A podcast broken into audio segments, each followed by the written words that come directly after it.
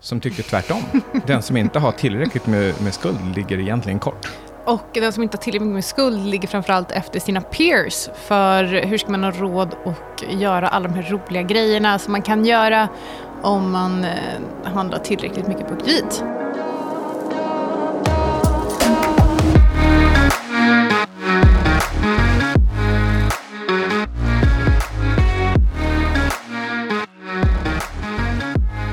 Lyssnar på Antilop. med eh, Anna Svan och Syding. Det var lite kul för att eh, precis när vi skulle börja spela in så skulle Micke flytta sin stol i eh, biblioteket på kontoret där vi sitter och då slog han i tån lite och då föll han ihop på golvet och så rullade han.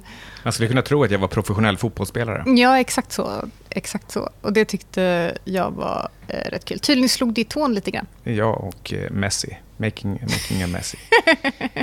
Hur är det med tån? Ja, men nu eh, gör det faktiskt bara lite ont och eh, om eh, några år så kommer jag inte tänka på det här som någonting alls. Det är lite så det är med eh, eh, trauma och PTSD. Att eh, om du har råkat ut för någonting som du integrerar i din egen person så är det helt odramatiskt. Som en stubbad tå.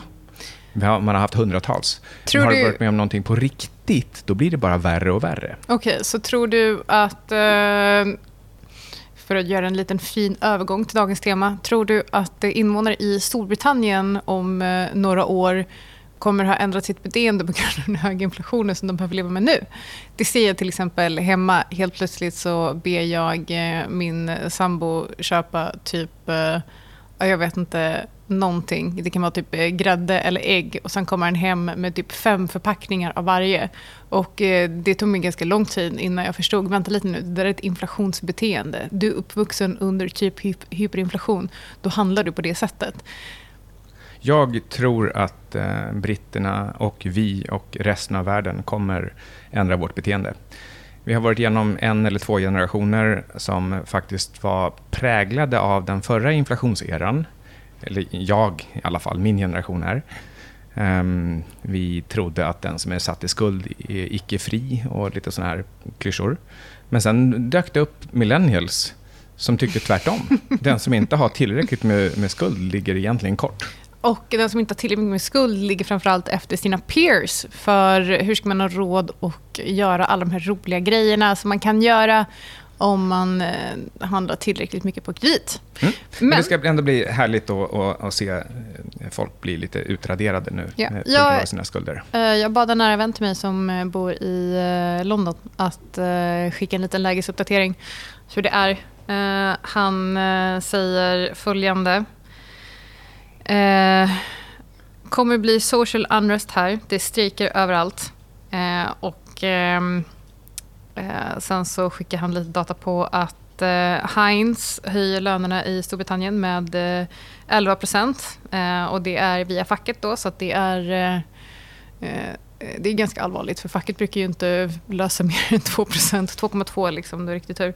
Eh, Felixstowe strejkade största hamnen i Storbritannien och de har faktiskt tackat nej till 7% eh, löneökning. De vill ha minst 10 Och ehm, ja, eh, det, det verkar generellt som att det är rätt stökigt. Eh, Citibank gick ut och sa att de förväntar sig att inflationstakten, det är väl världens näst största bank tror jag.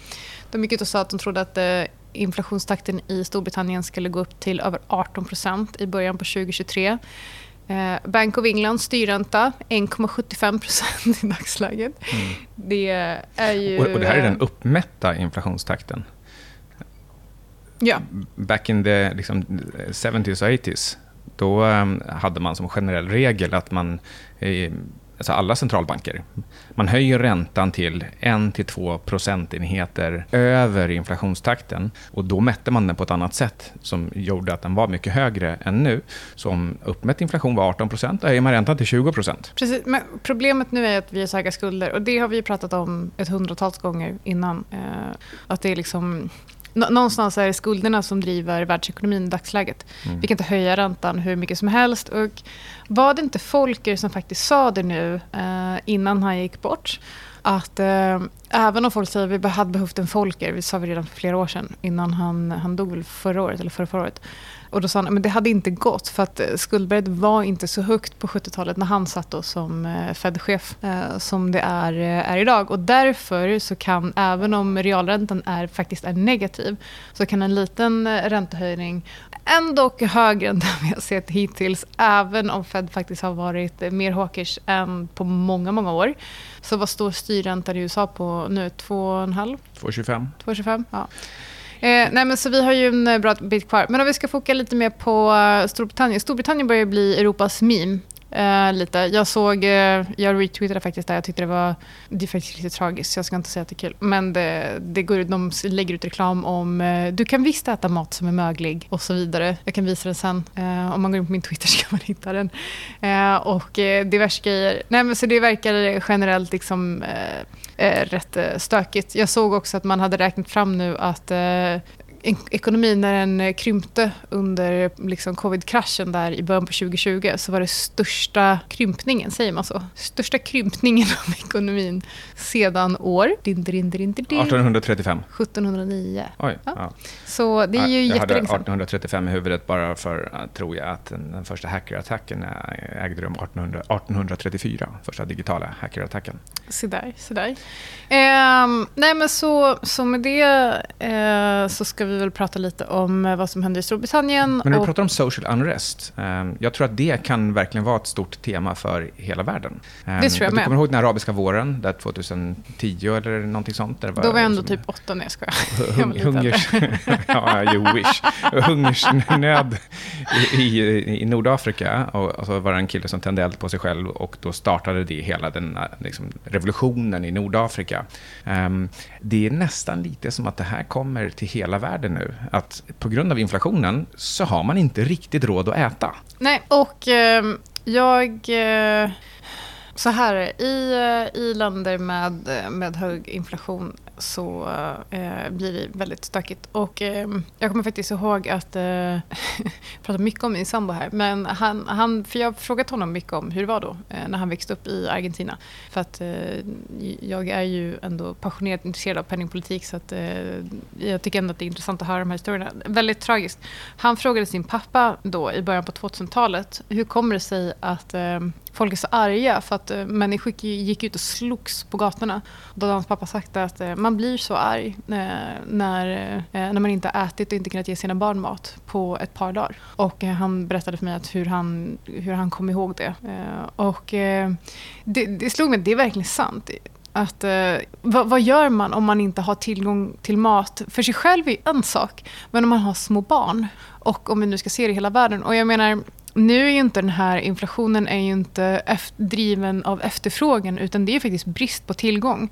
Och jag lyssnade på senaste Macro Voices också då de pratade om att eh, utöver då liksom eh, utöver då allt annat så har ju också vädret varit otroligt bra de senaste 20 åren för att eh, skörda.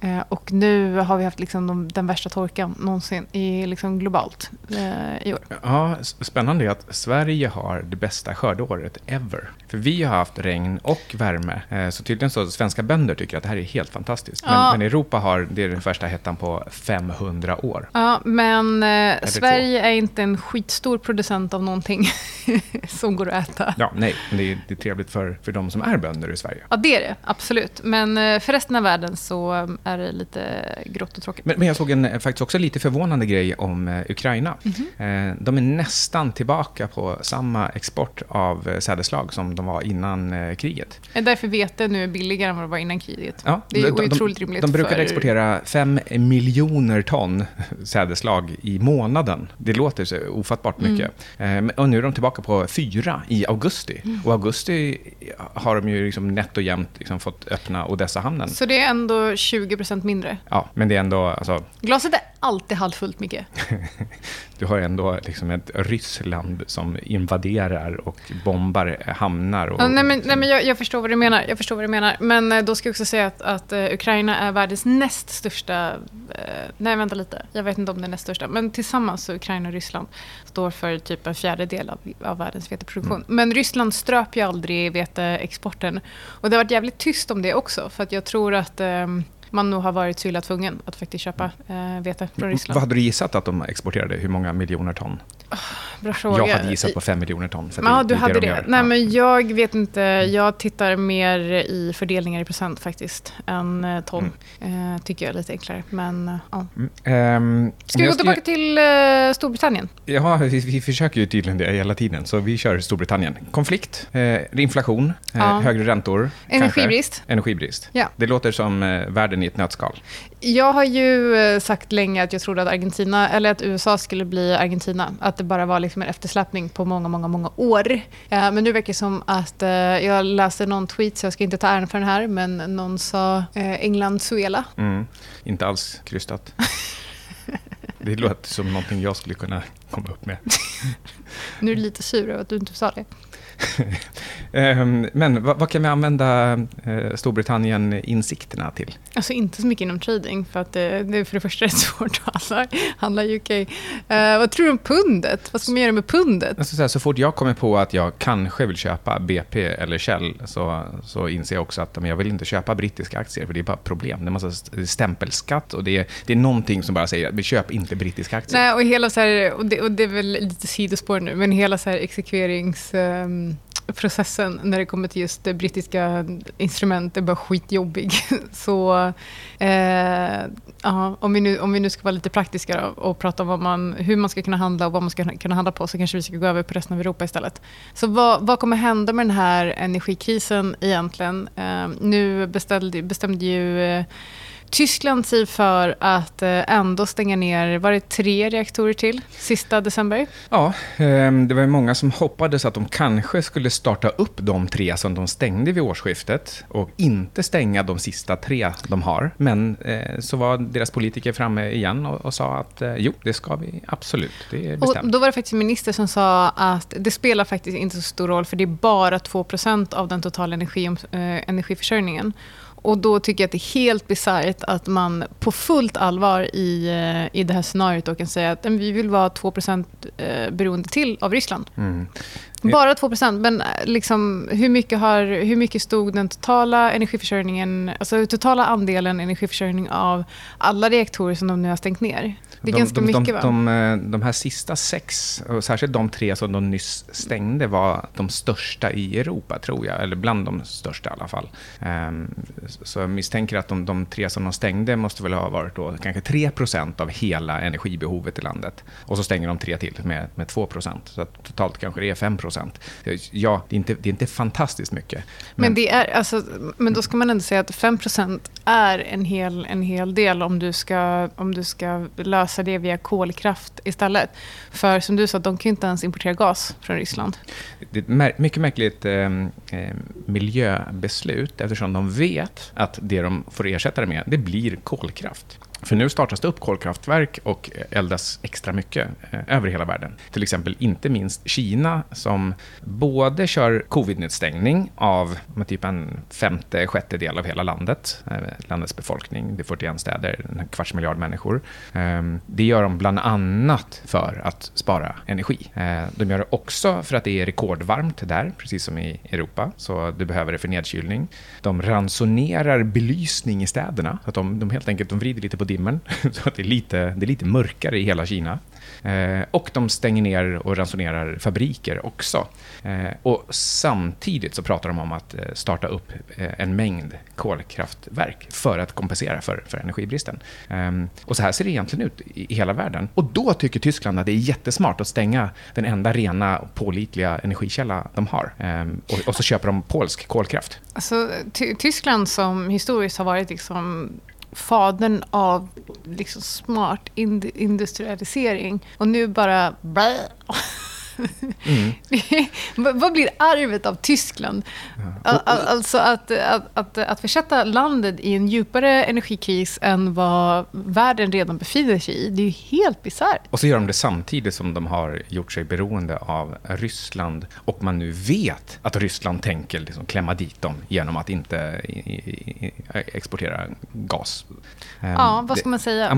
Ja, jag kan förstå om miljöpolitiker vill hålla linjen att det här är demokratiska beslut, vi har, vi har fattat de här, som vi får, får fortsätta med dem. Om det inte vore för att någonting faktiskt nytt hade hänt, lite force majeure. Och force majeure får väl ändå liksom sägas vara när en kärnvapenmakt invaderar ett, ett grannland. Ja, absolut. Eh, hur ska man kunna handla på det här då? Jag är ju eh, toklång naturgas i fonden och eh, sedan några dagar tokkort S&P Alla vet att, äh, att vara kort amerikanska aktier, det är självmordsbenäget. Det beror på när man kortar dem. Mm, mm, vi, har, vi har pratat om det här i många år. att, eh, har vi lärt oss någonting så att inte korta aktier utan istället vara lång någonting annat. Ja, men jag är alltid toklång saker, men uh, jag handlar runt S&P också. Mm. Det är ju allmänt känt. Och vilken specifik tillgång kallas för uh, the widowmaker? Nätgas. Ja, och här har... har... vi en perfekt trade. Lång nätgas, kort S&P. jag har faktiskt aldrig förlorat pengar på nätgas, jag ehm. har sjuk uh, backwardation men, okay, men är inte de här sakerna inprisade då? Vi, vi vet om dem, alla vet om dem. Eh, de, liksom, eh, det här var det man handlade ner på första halvåret. Nej, och, alltså, nu har vi för, det första, för det första så är ingenting någonsin inprisat. Det enda som är inprisat S&P sen eh, mitten på juni när rallyt började har varit eh, en framtida eh, Fed pivot. Och eh, nu när inflationen föll till 8,5 procent, det är helt sjukt att eh, man säger en sån sak ens. Eh, men så är det. Tänk om någon hade pratat om inflation tidigare i den här podden för några år sedan. Det, det här är som om, om folk inte fattar att de här siffrorna också har en, liksom en svängighet, en, en volatilitet. Nej, men, och, och det, det, är väl en sak. Liksom. Men, men det som händer då när... För, för det blir liksom lite... Jag vet inte om man ska kalla det självuppfyllande. Men det som händer då Eh, inflationen föll från 9,1% i juni till 8,5% i juli. Eh, och eh, då drog aktier ytterligare för det skulle ju då kunna betyda att Fed skulle kunna pausa sin räntehöjning för att Powell då sa vi räntorna är nästan neutrala. Alltså förlåt, men 2,5 och eh, inflation. Alltså, räntan är fortfarande på minus 6 mm. Realräntan alltså. 9% ränta vore neutralt. Eller om vi justerar för tre gånger så hög eh, belåning i samhället så kan kanske i alla fall 3% skulle kanske kunna anses vara neutralt. Ja, men då är vi nära neutral ränta då. Då hade han ju... Ja, men efter nästa, efter nästa 75 punkter. Ja, exakt. Eh, nej, men så, ehm, och då började folk hoppas på att inte nog med att de hoppades, hoppades på att eh, räntan skulle pausas, utan att man då skulle dra på QE för att eventuellt då rädda eh, den här ekonomin som faktiskt då ändå inte hade gått in i en eh, recession. Eh, nej, men det, det fanns liksom noll rim och reson i det här och det, som sagt, det enda som var inprisat var att Fed någon gång skulle göra en pivot och med eh, de senaste jobbsiffrorna som var liksom riktigt, riktigt starka i kombination med att man fullständigt förnekar att det är en recession. Och det tror jag att, eh, delvis tror jag att man gör det för att man ska ge Fed utrymme att höja räntan mer. Så jag tror att marknaden har fel. Jag tror att det är helt fel att prisa in en pivot än. Ja. Jag tror att det är alldeles för tidigt. Jag, jag, tror att det är en massa missförstånd här om eh, eftersläpningar. Alltså hur långa leads och lags är det mellan olika eh, faktorer? Ja, och man, man, har helt, man har inte ens förstått att eh, Fed har en QT inplanerad, mm. quantitative tightening, för sista september. Ja. De är helt on target, helt on plan för den. Ehm, men, men det är en och en halv månad, eller en månad kvar innan vi är där. Men då kommer det börja synas i, i obligationsmarknaden. Ja, och, och det, det jag ville säga var också att när då aktier, eller inte aktier, men när tillgångspriser stiger på den här nyheten om att inflationen föll till 8,5% så kommer det synas, synas nästa månad, framförallt om energipriserna stiger ytterligare ytterligare och man behöver justera upp det igen så kommer inflationen, ja, men då kanske den inte faller ytterligare från 8,5% och nedåt utan den kanske ligger kvar kring 8,5% eller kanske till och med går upp lite grann. Vilket du skulle ge Fed ännu mer utrymme att fortsätta höja räntan. Och nu är de ju mer datadrivna och det är en månad kvar innan de ska fatta, vad är det nästa möte, 20-21 september eller något sånt där. Och det är då de ska fatta beslut vad de ska göra med räntan. Och eh, jag tror så här, är det som så att eh, tillgångspriser har hållit sig relativt högt då är det inte helt omöjligt att vi ser en, en ny 75-punktare. För det är inte som så att bara för att man säger nu ska vi vara datadrivna så betyder inte det att det är dovish. Nej, och jag tror att de behöver få upp räntan så högt upp de bara kan inför, inför presidentvalet för att kunna sänka sen. Exakt, så, så dels det eh, och också nu när man förnekar recession så betyder det okay, men då har vi längre spelutrymme på oss att fortsätta höja räntan i det här kvartalet också innan innan nästa BNP, mm. eh, nästa BNP för, nästa, för det här kvartalet som vi befinner oss i nu presenteras. Eh, för om det är så att det, det är flät eller har, gått ner, har det gått ner mycket, ja, men då förstår jag absolut om man kanske säger att ja, men nu kanske vi får höja, istället för att höja räntan 50 eller 75 punkter åt gången så kanske man eh, höjer med 25 punkter åt gången eller kanske inte höjer alls. Och så ser, men allting beror på egentligen hur CPI utvecklas. Mm. Så, så, länge, så länge börsen är stark så har de också möjlighet att höja räntan. Det ingår i deras eh, Precis, och det, och, det, och det jag menar. Så det blir liksom att köpa tillgångar på att ekonomin är stark eh, eller köpa tillgångar på att inflationen föll till 8,5 procent. Alltså det är så lekmannamässigt, så jag vet inte... Ja, man, har, ja. man har glömt zooma ut. Man, man, eh, det är väldigt lätt eh, att, att missa skogen för alla träd när man står och tittar alldeles för nära. För då ser man just det här, liksom, inflationen har backat 0,4 procentenheter. Men backa ut lite grann så, så ser du Inflationen att... var 0 procent. Låt mig upprepa det. 0 procent, sa Biden. Ja, det var... Månadstakt. Ehm, det finns också en annan eh, faktor här med, med inflationstalen och det är att eh, owners equivalent rent, den laggar efter något år eh, för, för huspriser, vilket innebär att den ligger fortfarande kvar och ger en, en, en stickig hög inflation som kanske kan överraska en del. Eh, och, och, det är de här siffrorna, alltså, det är de uppmätta siffrorna som visas. Eh, oavsett hur det har gått till exempel med själva huspriserna så är det så att nu är huspriser, eh, just det, jag såg någon statistik här nyss, den, den senaste siffran är att 25,4 procent av eh, inkomsten går till, till hus jämfört med 15 procent de senaste tio åren i USA. Så det, det, är två tredjedelar dyrare. Um, eller mindre eh, affordable för, för amerikanska eh, hushåll. Eh, det, det, det, är någonting som kommer speglas i inflationssiffrorna, det ligger kvar. Eh, och det är också någonting som kommer speglas i eh, den kommande recessionen, att det finns inga pengar över. Nu när du ändå pratar fastigheter så fick jag faktiskt en... Det här var lite kul. Den, jag kommer inte ihåg vem det var. Någon på Twitter, jag ska ta fram namnet. Men, som taggade bara mig och sa eh, Anna, nu verkar det som att Micke har varit eh, ute på eh, nätet igen. Jag ska se, jag ska ta fram den här. Oj, det låter inte bra.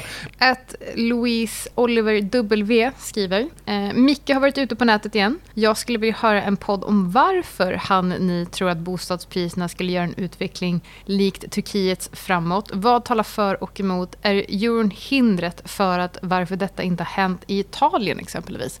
Nu när vi är ändå inne på spåret. Och då kanske vi ska lite bakgrund. Vad är det som har hänt i Turkiet? Bostadspriserna har typ, är typ tredubblats under ganska kort tid, va? Ja, någonting sånt. Alltså jag, jag, jag, kommer inte riktigt ihåg hur man ska läsa den här grafen, men det, det, det var ju någon, jag, jag, tror det stod 160 procent upp. Ehm, det var väl någonting sånt som deras index visar, men jag vet inte exakt vad det är den visar för någonting. Men, men om, om siffran är 160 procent upp, då är det nästan tredubbling. Och det är snittpriser. Ehm, om det var Istanbul eller hela, hela eh, landet vet jag inte. Men, men de har ju helt enkelt gått väldigt, väldigt mycket uppåt. Eh, och det är klart att med en, med en valuta som fullständigt imploderar eh, och Turkiet ligger fortfarande på ett bra ställe så det är klart att man, man med importerade pengar eller utlänningar kan köpa upp eh, fastighetspriserna. Och jag tror inte alls att det är det här som ska hända i Sverige. Vad jag, vad jag däremot menar är att det här med Micke har varit ute på nätet. Det är, en korrekt, det, är en korrekt, det är en korrekt beskrivning. För, för, för, vad som händer är att jag ser det där samtidigt som jag ser att eh, bopriserna faller ihop i Sverige. Och då men, är det kul att säga tvärtom. Ja, men jag vill faktiskt säga någonting som var lite intressant. Då, att förra månaden så föll bostadspriserna i snitt 2,9% i eh, i Sverige och eh, lite mer i Malmö. Men i Stockholm gick de upp lite. Mm, en, eh, ganska mycket, 1,4 procent tror jag. Grattis eh, oss då. Mm. Men eh, det är inte bara att jag vill vara contrarian och eh, riva upp liksom, damm på, på, på Twitter. Eh, utan, utan det är också så Till 90 procent är det så? Ja, det är en reaktion. det, är, det, är min, det är min reaktionsfunktion.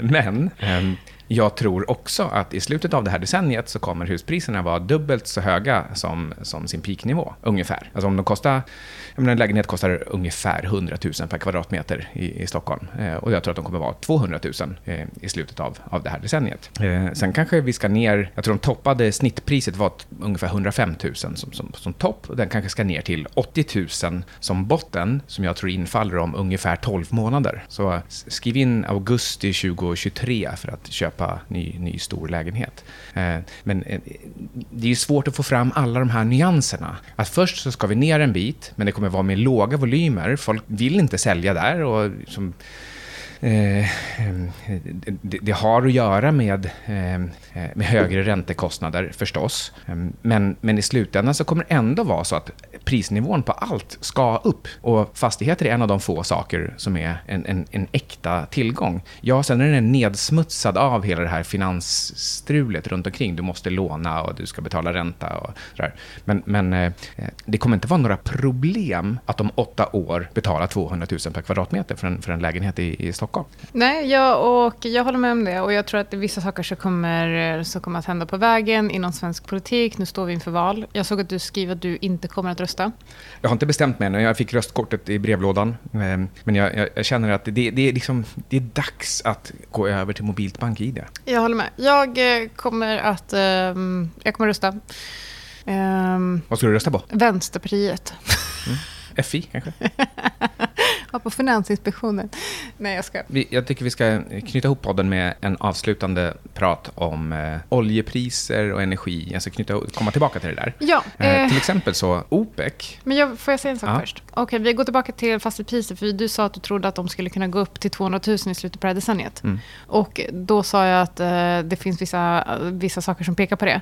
En sån sak tror, är att jag tror att amorteringskravet kommer att slopas. Framförallt nu när vi befinner oss mitt i en energikris.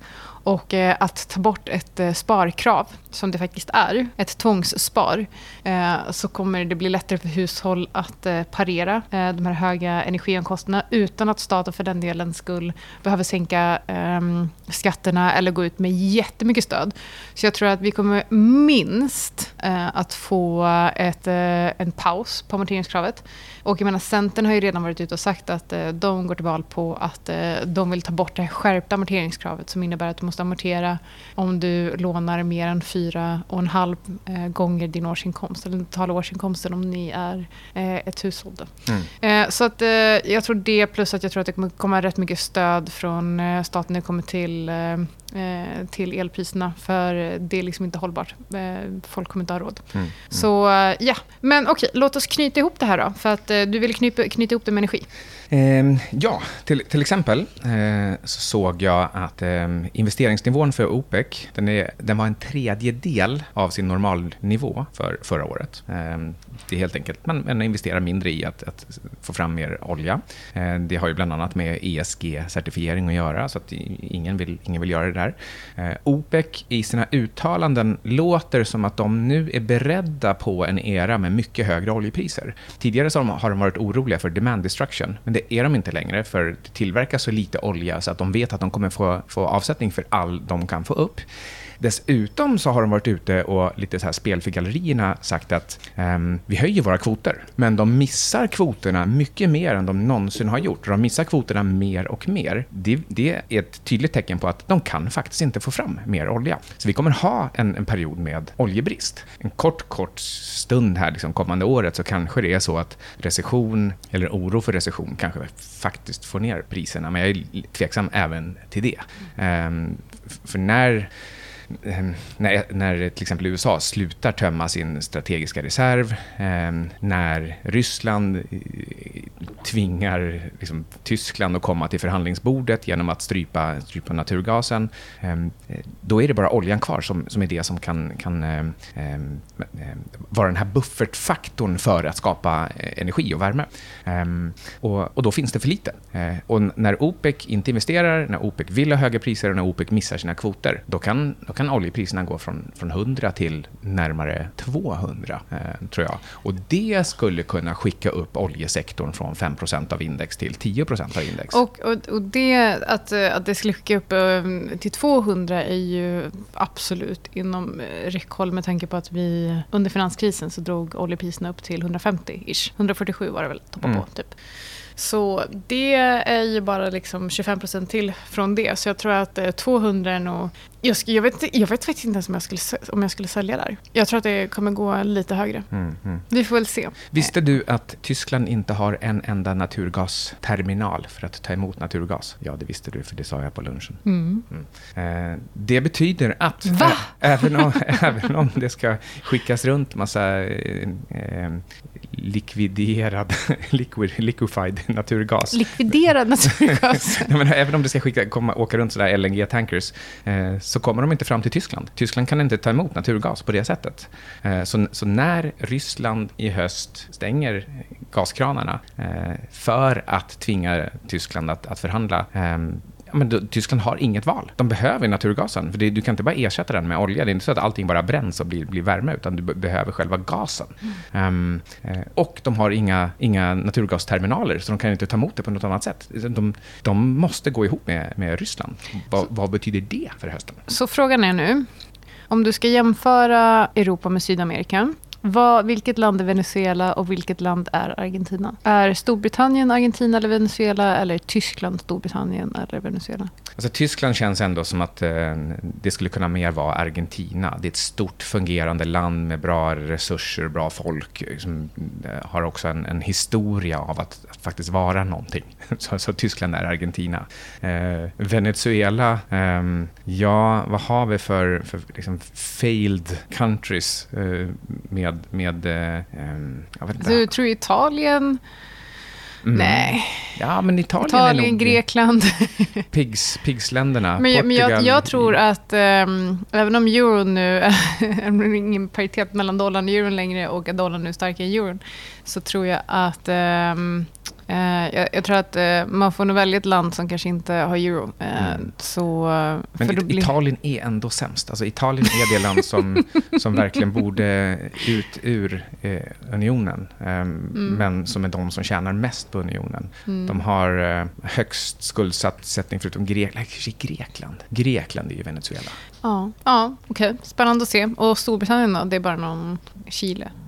Ja, Chiles ekonomi är jag, tror, jag, tror det kommer, jag tror det kommer gå bra för Storbritannien. Jag tror att det, det är bra för dem att vara utanför EU. De kommer någonstans i slutändan visa sig Sluta vara mer snabbfotade. mat. Och, eh, ja, just när det gäller det där. Ät inte möglig mat. Det går att äta rutten mat, Jag ska skicka den här tweeten till dig. men inte möglig. Det var helt bisarrt. Det, det var någon som hade tagit prints på reklam som, eh, som visas i UK. Mögel är cancerframkallande. Alltså man, man ska verkligen hålla sig ifrån Och mögel, Du, jag du kan inte ens grilla bort mögel. Jag googlade faktiskt på det där, det är Ja. inte sant. Svartmögel. Ja, men inte svartmögel. Nej, inte svartmögel, men mögel på mat. Eh, Fan, eller fan, nu kommer jag inte ihåg. Ja, men de toxiner som skapas försvinner inte ens om du grillar. Nej, men eh, jag vet inte om det var så cancerframkallande. Jag kollade det när jag fick barn. Jag blev liksom nervös över allting då. Mm.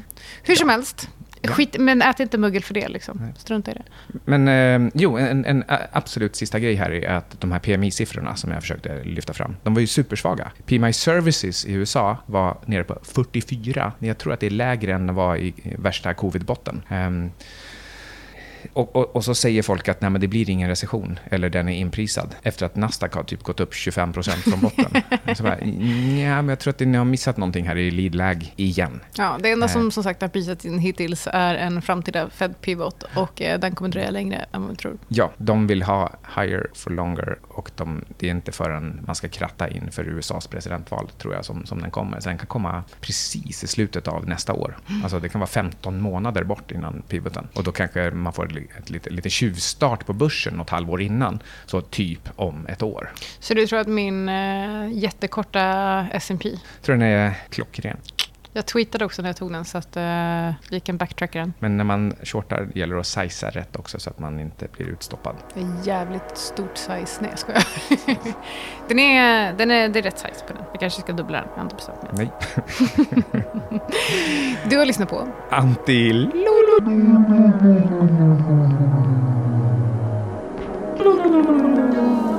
Missy Wingstop.